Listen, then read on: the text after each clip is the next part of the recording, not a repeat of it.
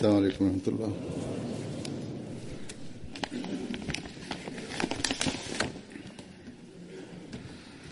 أشهد أن لا إله إلا الله وحده لا شريك له وأشهد أن محمدا عبده ورسوله أما بعد فأعوذ بالله من الشيطان الرجيم بسم الله الرحمن الرحيم الحمد لله رب العالمين الرحمن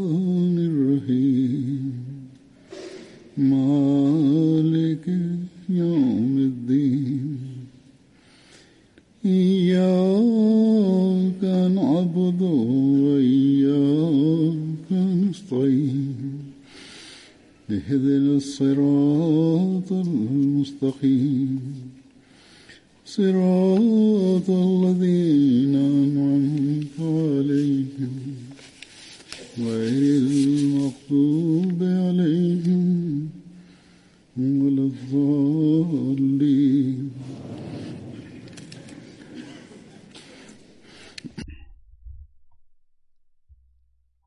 Huzur kaže u zadnjoj hudbi petkom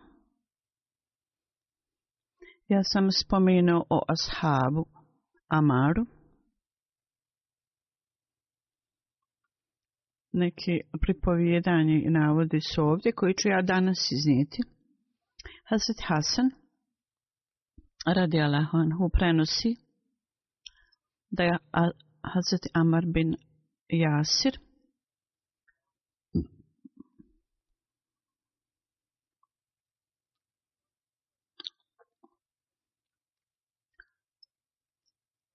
koji, kojeg je su ostavili, o, da su ga ostavili do kraja, do kraja svijeta, ali častni poslanik je rekao neće biti stavljen na vatru.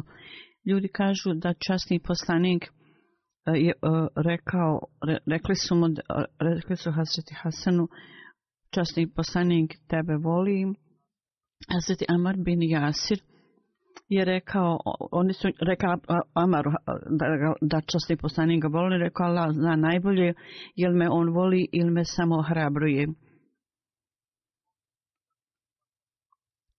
Da mi znamo njega, ko, ko u, la, u ljubavi je se jednom osu pisali, ko je taj Amar? On, on je rekao, to je Amar bin Jasin. Je bio taj koji je bio, koji je časni postanik stalno volio. Ljudi kažu, u prilikom bitke u Safin, on je bio tamo, on je tamo bio ubijen, postao je šahid. Oni koji su pomagali Maviju, i Hasret Omer je rekao da mi smo ga ubili. U drugom navodu, u drugom hadisu je spomenuto, da je on rekao, ja sam svjedok dvojci ljudi, da je časni postanik Salem do svoje smrti volio ovo dvoje ljudi, to je Abdullah bin Mesud i Haseti Amar bin Jasir.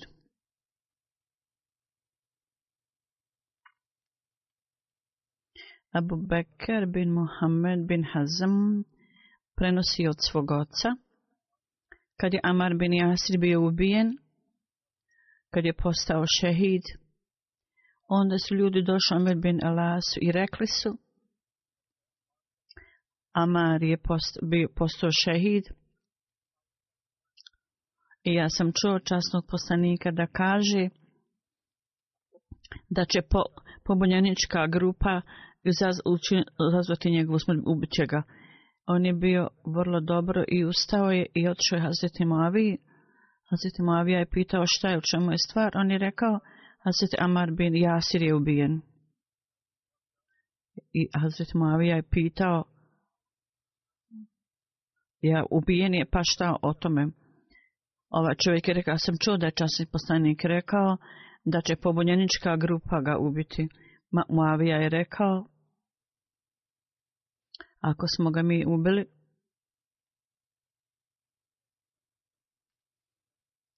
oni ubijeno strane Hazreti Ali njegovih ashaba, oni su za prvu izazvali njegovu smrt.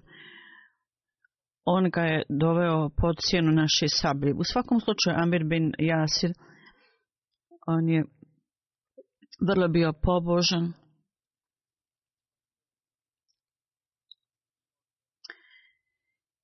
A međutim, Mavija nije pokazuju nekakve važnosti tome. U svakom slučaju ima nekih ashaba koji su bili jako zabrinuti. Ako su imali i, i kako da što da prenesli, ako su šuli nešto da je časni postanik spomenuo, ako je bilo ga dao upozorenje ili dao radosno vijesto o tome, oni su to prenosili. U Hazreti Ajša u pogledu Amara, Amara kaže, on je od glave do pete bio ispunjen vjerom, Hazreti Ajša je rekla. Ja se tih obav, došao Hazreti Omeru, kad mu je Hazreti Omer rekao, dođi, meni, dođi bliže meni, niko ne, ne zaslužuje više ovaj skup osim tebe, osim Amara. Onda je Hazreti Habal pokazao znakove povreda na svom tijelu koji su mu nametnuli delopoklonici. Tako Hazreti Omer odao mu počast jer u rani vremenima on je jako puno podnosio patiju. I također spominu u pogledu Hazreti Oma Amara da je jako puno također podnosio patnje i, i bol i muč, mučenja zbog vjeri. Hazreti Amar bin Jasir ima jedan hadis i prepovjedanje o ubisu Hazreti Alija i u pogledu Hazreti Amar bin Ras, Jasir on prenosi, kaže jedan put, zato širat ekspediciji I ja sam bio u društvu Hazreti Ali, on je rekao, na tom putu kada je časni poslanik Salasalem se smjestio na jedno mjesto, Benu Murlić, mi smo vidjeli neke ljude iz ovog plemena, radili su svojim bašćama i Hazreti Ali mi je rekao, hajde da idemo i da vidimo šta je tamo, kako oni rade. Tako mi smo odšli vrlo blizu njima, I gledali smo ih neko vrijeme. I onda nas je obuzela san i ozitjali smo se onda ja vratili i ležali smo na pjesku, na tlu. I tako mi Allaha, časni poslanik je došao i probudio nas i on je trisao, potisao naše, naše noge, prodrmao. U to vrijeme časni poslanik je rekao Haziti Aliju o Abu Turavu, zbog prašine koja je na njom tijelu bila, on, da, zato, mu, zato ga je tako nazvao i rekao je, zar nećete da vam spomenem u pogledu dvoje ljudi koji su najgori među ljudima? Mi smo rekli, da, naravno, molim te, molim te reci nam, on je rekao, jedan, jedan vrlo bijela, bijel čovjek i ljudi koji režu mnoge kameli i oni koji će te napasti i, i, i nastopiti tvoju bradu krvlju. Ebu Metlis kaže jedan put, Hazreti Amar bin Jasir, On je vrlo brzo obavljao namaz, kratak namaz, i nekoga je pitao za razlog, a Zdjeta Mari rekao,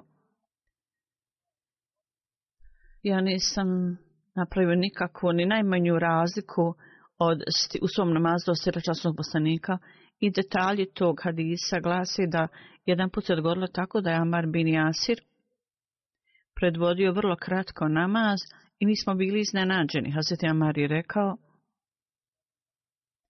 zar ja nisam upotpunio svoje sečte i rukiju, mi smo rekli jesi, on je rekao, ja sam molio u, u tim dijelima namaza, onako kako je časni poslanik.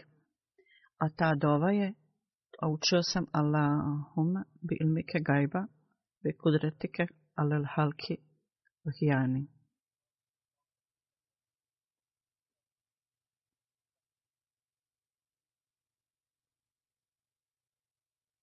Ovo znači, o Allahu, ti znaš nevidljivo i ti imaš moć nad svim stvorenjima, učini me da živim sve toliko koliko znaš da je moj život dobar za mene i bolji. I učini da umrem, kad je za mene bolja smrt, o moj Allahu. Uvidljivo i nevidljivo, ja tražim od tebe oprost i ja želim moć da vidim istine, se stvar istinita. I također u, u, u, u, u, i, u, u, imućnost i bogatstvo da budem skroman i umeren i u pogledu sreće ja želim da gledam na tvoje lice i bilo šta što je bolno i mučno ja tražim tvoju zaštitu od svega toga o Allahu sa ljepotom vjere ti si nas ukrasio i učini nas uputu za ljude koji su upućeni uputom Ovo je također u jednom hadisu da je Amar bin Jasir, kad je borio se, učio bi sura Jasin na govornici. I e, neko je e, prenešeno je da je neko, neko ogovarao Hazreti Am, Omar, Omaru i on je saznao zato i tako je podigao ruke u dovi i rekao, ako je neko iznio protiv mene pogrešnu optužbu,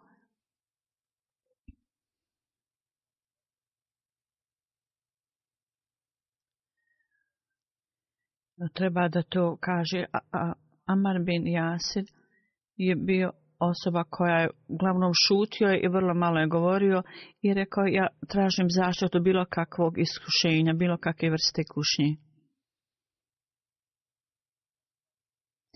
Esma bin Ebi Suvara kaže, ja sam došao u Medinu i molio sam Allaha Allahu podare mi društvo pobožnog čovjeka i Allah Đelešanuhu mi je dao društvo Hazrete Buhoreire. Hazrete Buhoreira me pitao, ko su tvoji ljudi? I rekao je, ja pripadam e, kufa zemlji, ja sam došao rad dobrote i znanja. Hazrete Buhoreira je rekao, pitao ga zapravo, Osoba čija do, doba čija doba bude primjena je Sabit bin Akas i onaj koji je nosio cipale časnog poslanika je Abdullah bin Mesud koji je znao tajne pobožnosti i o kojem časni poslanik sallallahu alaihi wasallam rekao ovu stvar da Allah Đelešanuhu mi je dao zaštitu od šeitana i Kur'an i znanje o Kur'anu i Nđilu, Hazret Salman Mujud nije bio prisutan. I kad su ovi ljudi tamo, zašto ti onda ne iskoristiš se od njihovog društva? Ne koristiš se. Muhammed bin Ali bin Hanefija prenosi, te Amar bin Jasir došao u društvo časnog poslanika, u to vrijeme se nije osjećao dobro, I časni poslanik Salavacelam je pitao Hazreti Amara, za, neću da vam kažem lik koji je mene pučio Hazreti Džebrajl, ja sam rekao, kaže, jeste, molim te, Boži poslaniče. Onda je časni poslanik Salavacelam poučio ga ne, nekom nečemu. I kaže, ja sam započeo imenom Allahovim, Bismillahirrahmanirrahim, i dao sam ovaj lik ljudima, koji i Allah Đeleš i molim Allah da nam Allah ukloni svaku bolest kaj kod vas tako da ozdravite i budete sretni.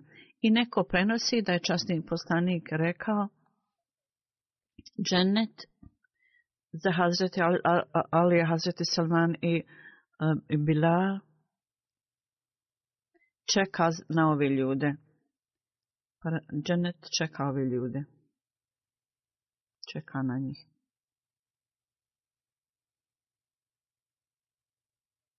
Hazretu Zajfa radi Allahanhu prenosi.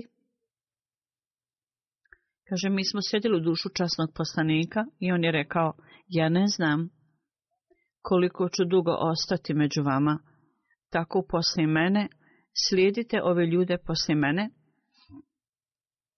Ebu Beker, Hazreti Omer, i također slijedite put Omara i šta god Ibn Mesud kaže, to prenos, prenesite.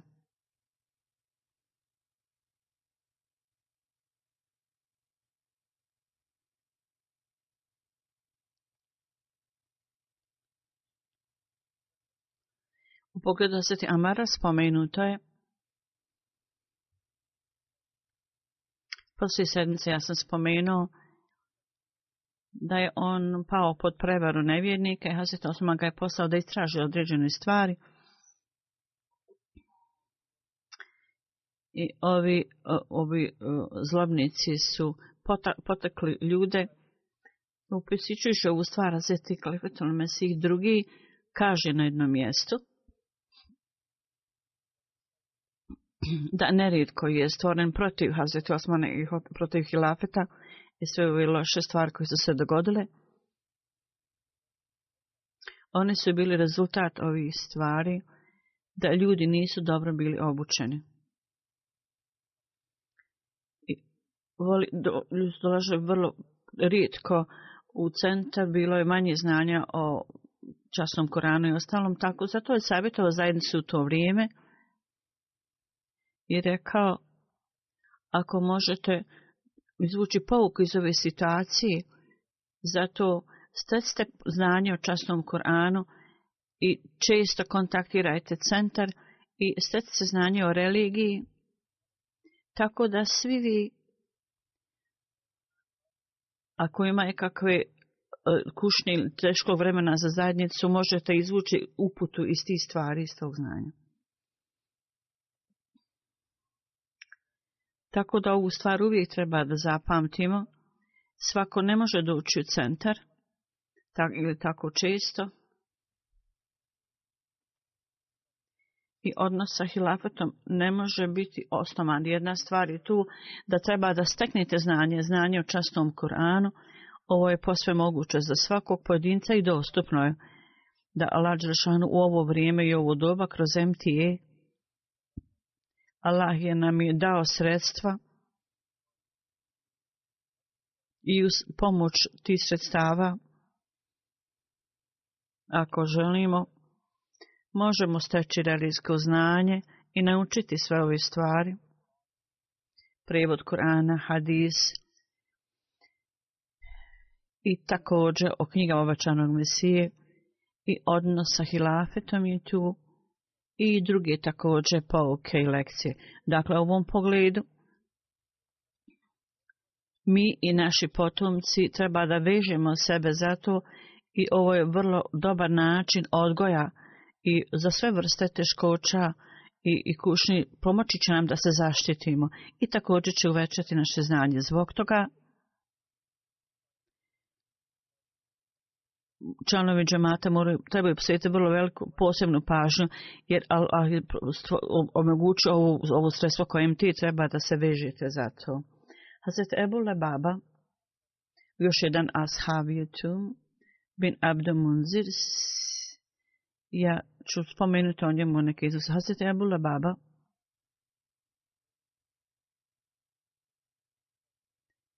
ima razlika u njegovom imenu. Neki ljudi kažu da njegovom je bilo Bešir ili Elfajz, Lama za Mahširi, prema njemu. Oni su napisali imene van. U svakom slučaju, on je bio iz plemena Osk i Beti Ukba. Pridružio se i u vrijeme ekspedicije na Bedru. Mm. kad su krenuli iz Medine, časni poslanik, salallahu alaihi veselem,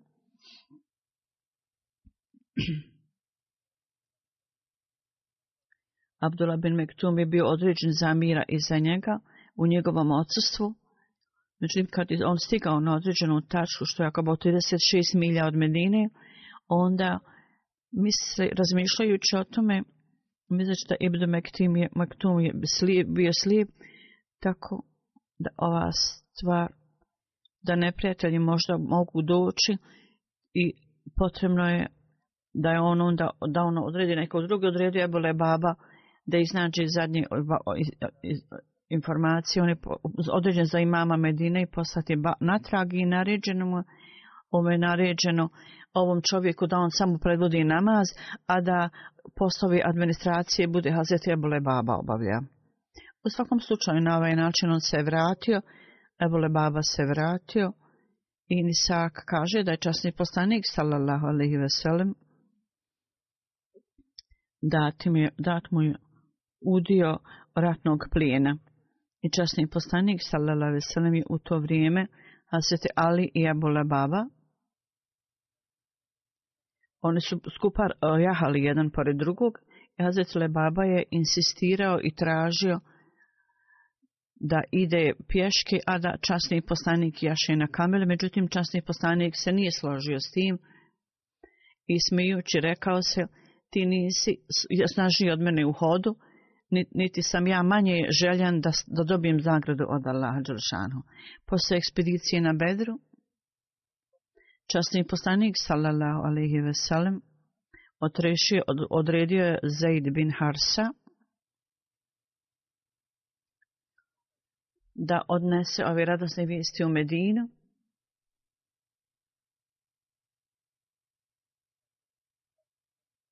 I u vrijeme kad je stigao na mjesto da predvodi namaz, tako on, on je ja pozvao dva sina, rekao dva sina Arabije, Arabije i Abu Džahel i Bakši, Bakri, Amar bin Esfeld, sa svoje jahalice. Mena bil Half, svi su bili ubijeni. To je gleda vjerovatno bila ta radosna vijest koju je on prenio. I ja šuću većina jave. A, a, I rekao je da koliko mnogo ljudi zarobljeno. Ljudi nisu vjerovali Zijade bin Harsa šta je on rekao. Mislili su da on možda se vratio poražen.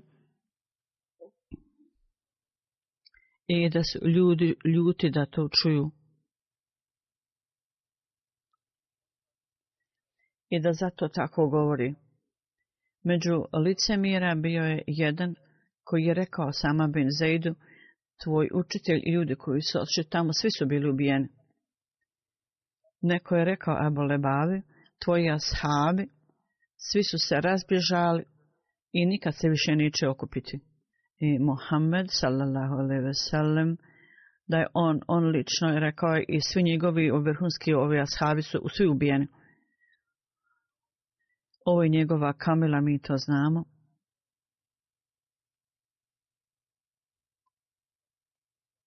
I ovaj protivnik je još rekao, Zaid ne zna o čemu on govori. I vratio se samo poražen. Hazreti Lebaba Le, Le, Le je rekao, Allah će pobiti sve što ti govoriš. Ti također, rekao se da je Zaid vratio se poraženo. Soma bin Zaid kaže, Ja sam pitao svoga oca u privatnosti, što god ti kažeš, je to istina? A se te Zaid je rekao, moj sine, tako mi Allah, što god ja govorim, istina je. A se te Osama kaže, to, moje su se stope, moje su to pojačale kad sam to čuo, a se te Abule Baba, kako predanost imao častom postaniku, prenesen je jedan događaj o tome da u 15. godini po Hidžri časni poslanik sallallahu alaihi ve sellem, nakon što je završila se bitka kod rovova, kad se vratio, samo što je skinuo svoje oružje i kupao se, bilo mu je rečeno, Allah mora kroz viziju, da ukoliko odluka o izdaji ne bude odlučena, svi ljudi treba da idu u prema, prema tvrđe valjde da tamo udobalje namaz. Na početku jevreji su pokazali oholost na početku. Međutim, protokom vremena oni su ojačali okolinu svoj tvrđave i kasnije su se konsultovali sa jedan s drugim šta treba da urade. U svakom slučaju oni su odlučili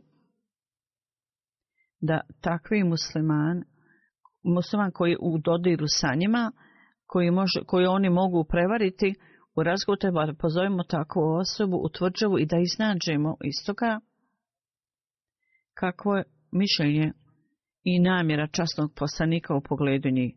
Tako da možemo planirati što možemo raditi u budućnosti. To su i jevreji tako razmišljali. Tako da su poslali predstavnika častnog poslanika, salale veselem, da Ebule Baba Mrzir bude poslan u njihovu tvrđavu. I tako da ka, oni su rekli da možemo da zgovarati stvari o njemu. Časni poslanik je odobro je Hađe Lebabu da ide tamo i on je sam odšao. I Benu Koreza plane, imali su plan da čim je Ebu Lebaba ušao u tvrđavu, sve jevrijske žene i djeca bi ga opkolili plaćući jecajući Ebola baba je bio jako impresioniran ovim i, i to jako utjecala na njega. I oni su rekli, zašto od Ebole babi vidiš naše stanje? Ebole baba je rekao, iziđite iz svoje tvrđave i također je pokazao na svoje grlo da, da će časni poslanik narediti, to je značilo da će da, da se ubijete. U to vrijeme, on sam pokazan grlu, u to vrijeme bila baba i rekao, ja sam mislio da ovo, kako sam ja pokazao na grlo, je pogrešno i ja sam osjećao da drhtim, da sam pogrešno nešto rekao. I kad je došao u džamiju časnog poslanika, kad se vratio, očistio se o jedan stup džamije i rekao, ukoliko Allah ne primi moje pokajanje, ja ću sebe ovako očistiti. I Abule Baba kaže, moj odlazak je bu korezi i kako god su informacije došle časne poslanika, on je rekao, časni poslanik je rekao, ostavite ga samo, Allah će odlučiti njegov slučaj. Ako meni dođe, ja ću mu oprostiti. Ako ne dođe meni i ako ode, pustite ga neka ide, ode. Hazret Ebule Baba kaže, 15 dana ja sam bio u tom stanju i kaže ja sam u snu vidio i ja sam zaista zapamtio taj san. Ja sam vidio u snu zapravo da smo opkolili Benokoreza pleme i iako kao da sam ja bio u smrljivom blatu i nisam mogao izaći i skoro sam umro. Međutim, onda sam video, video kanal tekućom vodom i ja sam nastao da tamo se okupam, dok ne očistim svoje tijelo i osjetio sam onda miris. On je otišao Ebu Bekiru da traži interpretaciju ovog sna. Ebu Bekir je rekao značenje da ćeš ti patiti određenu situaciju u kojoj ćeš ima, jako podnositi bol, ali bit ćeš izbavljen iz toga. I Hazreti Lebab kaže... Ja sam zapamtio šta mi je Hazret Ebu Bekir rekao, ja sam se nadao da će biti primljeno moje pokajanje. Hazret Umi Selma kaže da Ebu Lebaba primanje pokajanja, ta vijest je došla častnom poslaniku kad je on bio u mojoj kući, rekla je i ona kaže ja sam bila časnog poslanika da se smije, ja sam pitala ga, Allah te uvijek čuva nasmijanog, zašto se sada smiješ, časni poslanik je rekao, Ebole baba, pokajanje Ebole babe je prihvaćeno, primljeno. Ja sam rekla, o Allahu, o Boži poslaniće, hoću li ih obavijestiti o tome? On je rekao, da, ako hoćeš da ih obavijestiš, možeš ih obavijestiti. Zatim, Umi Salma kaže, ja sam stala na vratima, još nije bila naredba za pokrivanje, ja sam rekla, ebole baba, budi sretan, Allah Đašano je primio tvoje pokajanje. I ljudi su mu došli trčeći. Međutim, on je rekao, ne.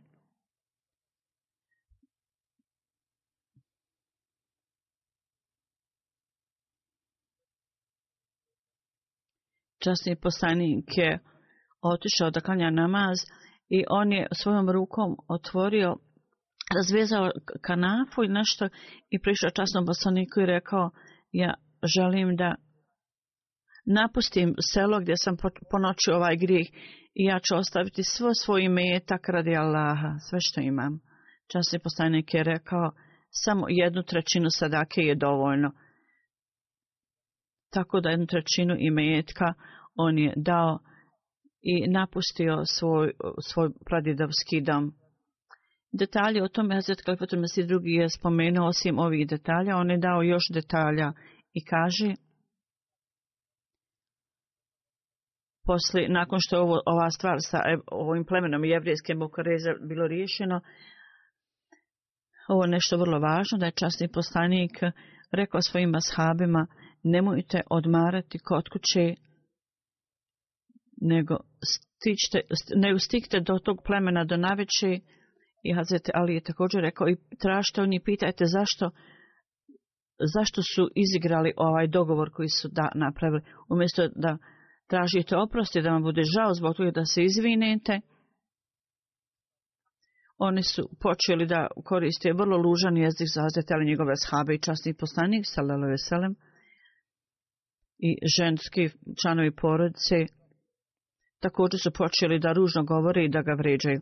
Tako da mi ne znamo e, kak, šta to ima s nama Hazreti Ali je uzeo taj odgovor i vratio se u to vrijeme, za to vrijeme časni poslanik je skupa sa svojim ashabima išao na određeno mjesto i, i kako su e, je vredi Hazreti Ali časni poslanik njegove žene i kćerke su također jevrijske čerke koristili su vredi jezik Hazreti Ali iako je bio povriđen ovim riječima rekao o Boži poslaniče, poslaniče zašto da ti ideš tamo među njih, mi ćemo voditi brigo o tome, molim te vrati se na tak časni poslanik je rekao, ja osjećam da ovi ljudi vrijeđaju, iako ne želite vi da, da čujem ove uvrede, a zati Ali je rekao, da, to, u tome je stvar. Časni poslanik je onda rekao, šta je, u čemu je onda stvar, ako mene pa uvrede, a zati rekao, one su vrijeđali njega još više onda on ipak odšao pred tvrđe jevreja, međutim oni su se zaključali unutra u tvrđe počeli da se bore sa muslimanima i također su žene uzeli učišće u ibici. Tako je bilo nekih muslimana koji su sjedili na, na zidu tvrđave i neke žene su bacale kamenje i ovi vojnici su bili ubijeni. Međutim, posle ovi opsade nekoliko dana, jevreji su uvidjeli da ne mogu izdržati, ne mogu se doprijeti, njihov vođa je rekao, oni želi od časnog poslanika da on pošalje Ebole Babu koji je bio tamo, koji je bio vođa Kes plemena, da on bude poslan, da se one savjetuju s njim. Tako časni poslanik poslao ga i jevreji su pitali za savjet. Je li slučaj takav da časni poslanik će prihvatiti? Hoće se poslanik složiti učiniti? šta god on kaže, ćemo se mi složiti s tim, on je rekao da. Međutim, on je također pokazao na svoj vrat, što je ukazivalo na, na ubijstvo, tako da časni postanik nije spomenuo nikakvu odliku do tog momenta, međutim, Ebole Baba misleći u svom srcu da kazna za njihov pristup ništa nije drugo nego ubijanje, tako bez mnogo razmišljanja kroz ukaziva, pokazivanje ovog znaka, on je rekao nešto, što što je postalo rezultat njihove, njihovog uništenja. Rezultat toga je bio da su jevreji bili uništeni i ovi ljudi s ciljem da, da se napravi dogovor što s njim poslanikom, oni su odbili to. Da su se složili sa odlukom časnog poslanika, kao što su drugi jevrijska plemena, dala bi im kazna da napuste Medinu samo toliko. Međutim, to je bila njihova nesreća da se oni rekli. Mi se ne slažemo i nećemo prihvatiti odluku. Biti znači, sad bin maz, mi ćemo prihvatiti njegovu odluku, šta god on odluči, mi ćemo se s tim složiti. Međutim, u to vrijeme, jevreje se nisu složili i rekli su, naša nacija je bila izdana i sa isponašanja poslemana mi vidimo da je njihova religija istina to pokazuje međutim ovi su napustili našu religiju primili su islam i jedan vođa tog plemena on je rekao svim ljudima vi ste vi ste e, vi ste izigrani ili postanete muslimani ili plate kaznu. Oni su rekli, mi nećemo postati muslimani, nećemo platiti kaznu. I onda im je on rekao, ja nemam ništa s tim. Izišao je tvrđave i počeo je ići, hodati. Kad je došao izvan tvrđave, jedna grupa muslimana, Muhammed bin Muslim, bio je njihov vođa. Oni su vidjeli, pitali su, ga, pitali su ko je on. On je rekao, ja sam ta i ta osoba, Muhammed bin Muslima je rekao, Allah tahrimni.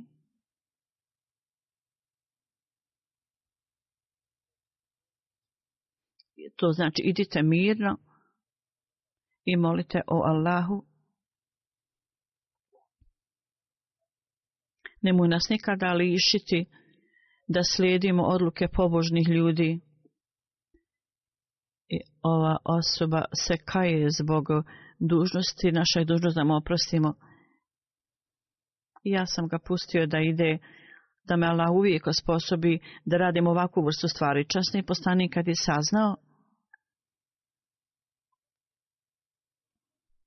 nije prekorio Muhammed, mislim, zašto ga je pustio da ide, nego je zapravo to ocjenio. Spomenuto je da je častni postanik, sallallahu alaihi wa sallam,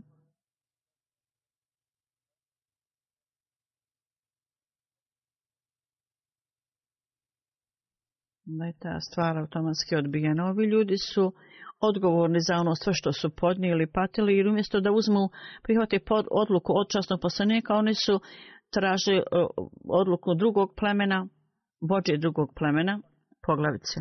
I u skladu s njihovim odlukom njima je tako odlučeno. U svakom slučaju, nema nekakve krinje nečasnog poslanika, ne ti nas habe, da su oni učinili nekakvu nepravdu. Lama Ibn Esad piše... goes by Kanika, goes by Savig.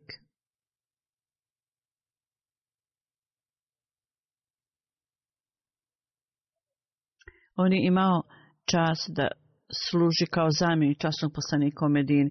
U jednom putovanju on je bio sa časnim poslanikom i Amar bin Auf, njegovo pleme je, on je držao zastavu svog plemena. I Abu Lebaba je učestvovao u biti s častnim poslanikom, salavu salam, i u pogledu njegove smrti spomenuto je, prema nekim ljudima Hazreti Ebu Lebaba u toku perioda Hazreti Alija, neki kažu u toku perioda Hazreti Osmana, jedno mišljenje je da je poslije 15. godine Hidžre, da je Liv živio do tada, Sevim Musab prenosi, da je Hazreti Ebu Lebaba, kaže, da je časni poslanik sallallahu alejhi ve sellem molio za kišu jednog petka i legao. To isto u prevodu o Allahu, molim te daj da nam kiša padne, donesi nam kišu. Hazir Ebole Baba je ustao i rekao, o Boži poslaniće, nije bilo nikakvog oblaka na nebo. Časni poslanik je rekao, ti si rekao, Allahu daj nam kišu, i Abla Baba kaže da smo mi vidjeli da kiša dolazi i, i došli su oblaci kiša. Časni poslanik je onda predvodio namaz i rekao Ansar su došli Abule Babi i rekli o Abule Baba tako nam Boga. Ova kiša neće prestati dok ti u skladu sa govorom časnog poslanika sa svojim odjećom da, da skineš odjeću i da izađeš napolje bez odjeće, sa golim tijelom. I on je počeo da svojim odjećom zaustavlja tok vode i ebole baba. Njegov unuk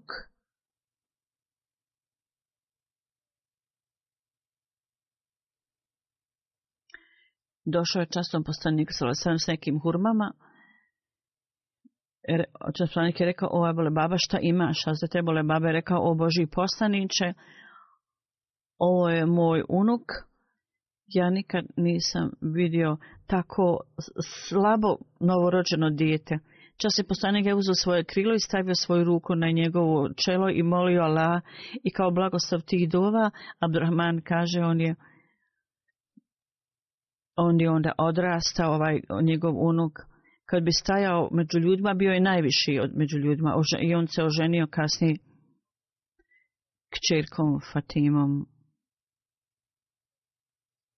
I tamo se brak bio sklopljen. Anas bin Mali kaže da je časni postanik od svojih ashaba, bilo je dvoje ljudi, dvije kuće su bile daleko, je bile babe jedna kuća, a druga je Buđanđer i njegova kuća je bila u Kubi drugi Asfar bio tamo, on je bio iz Benu Harsa plemena. I obojica su dolazili da klanjaju namazi za časnog poslanika, sallallahu alaihi wa sallam. Ovo su bili navodi o shabima, da Allah Đerašanhu uzvisi njihov položaj, da im uzvisuje se više i više. Poslije džume namaza Huzur kaže, ja ću klanjati dženazu za dvoje, jedno, jedno je tijelo prisutno, jedno je odsutno. Moram kazi Šaban Ahmad, prvi je umrli, on je šehid, ubijen. On je iz Lahora, on je ubijen. Kazi Muhammed Suleiman sahib, Šaban sahib. On je imao 47 godina, 25. juna. Protivnici, ušli su u njegovu kuću i pucali su u njega i on je ubijen bio. I te noći je bilo dvoje ljudi sa maskama na licu. E, kazi sam, njegova žena su bile u jednoj, rum, u jednoj sobi, a čerke su mu bile u drugog.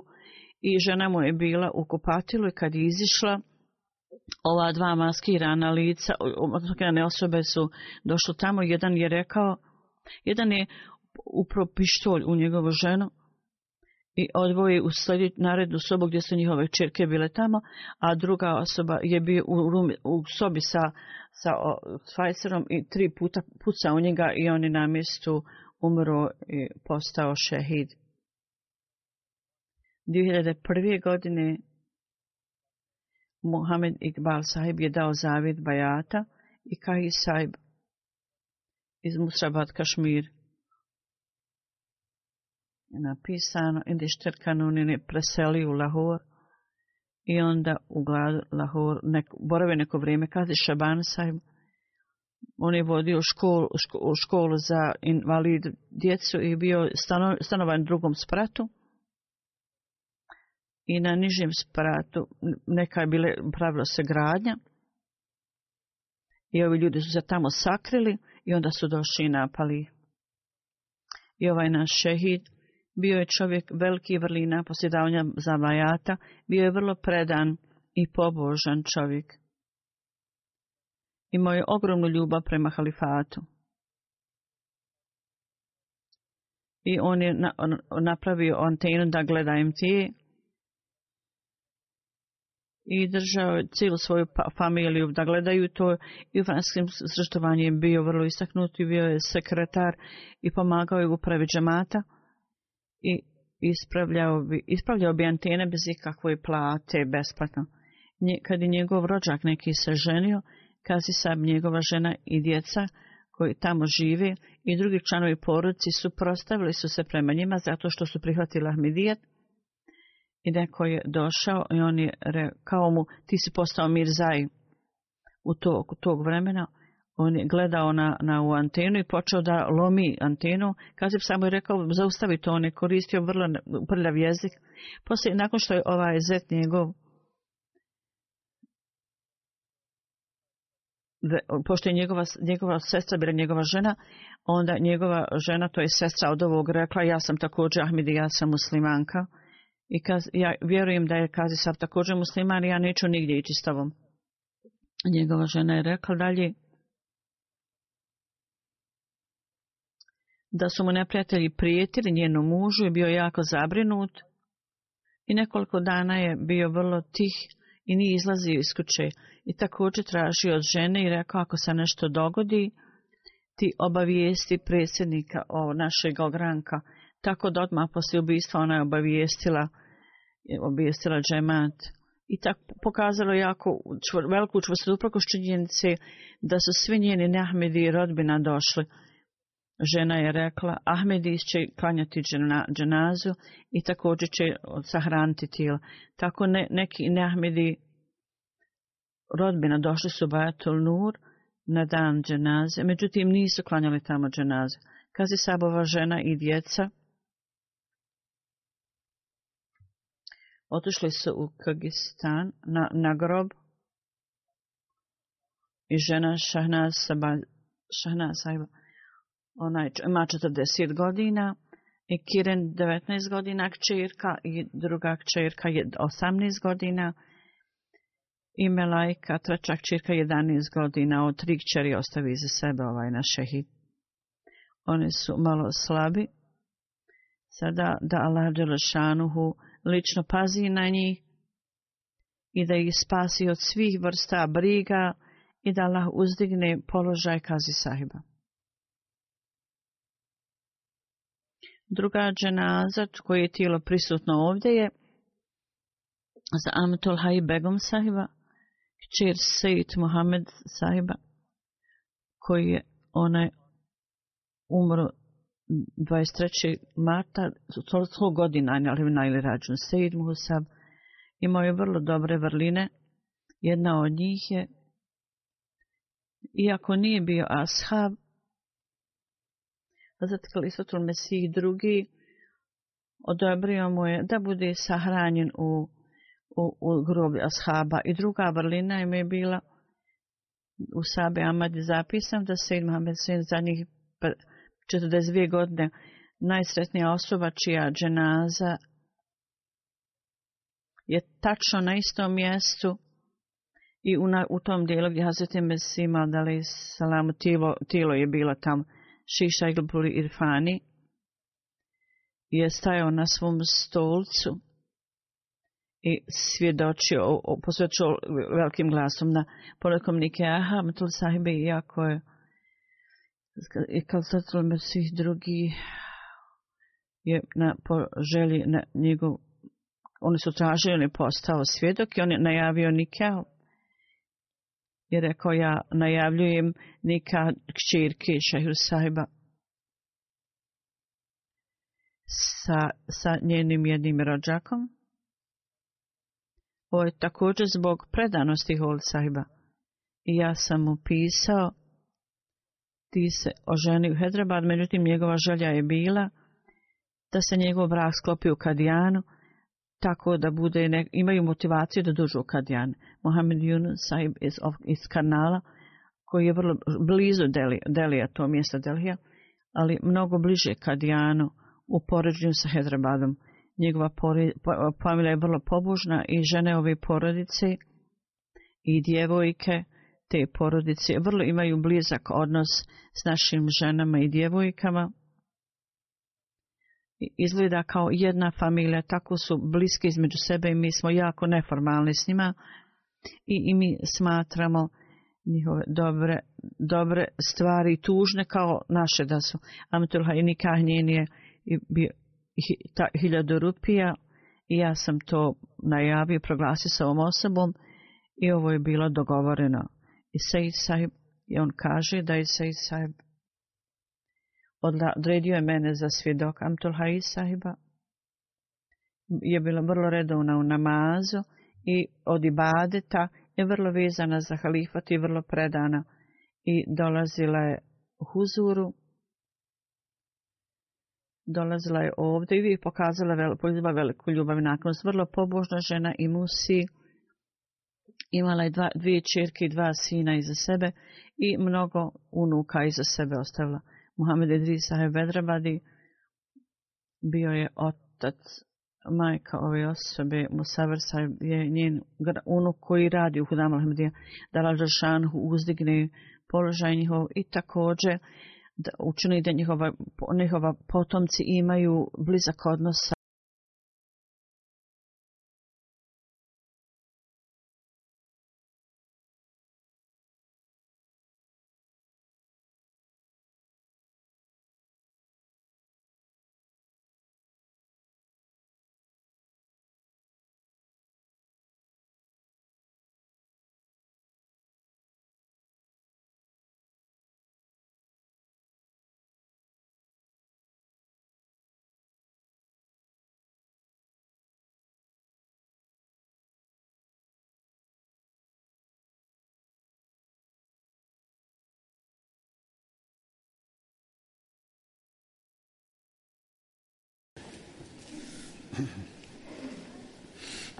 الحمد لله الحمد لله نحمده ونستعينه ونستغفره ونؤمن به ونتوكل عليه ونعوذ بالله من شرور انفسنا ومن سيئات اعمالنا من يهده الله فلا مضل له ومن يضلل فلا هادي له ونشهد ان لا اله الا الله ونشهد ان محمدا عبده ورسوله عباد الله رحمكم الله ان الله الفضل واللسان وإيتاء ذي القربى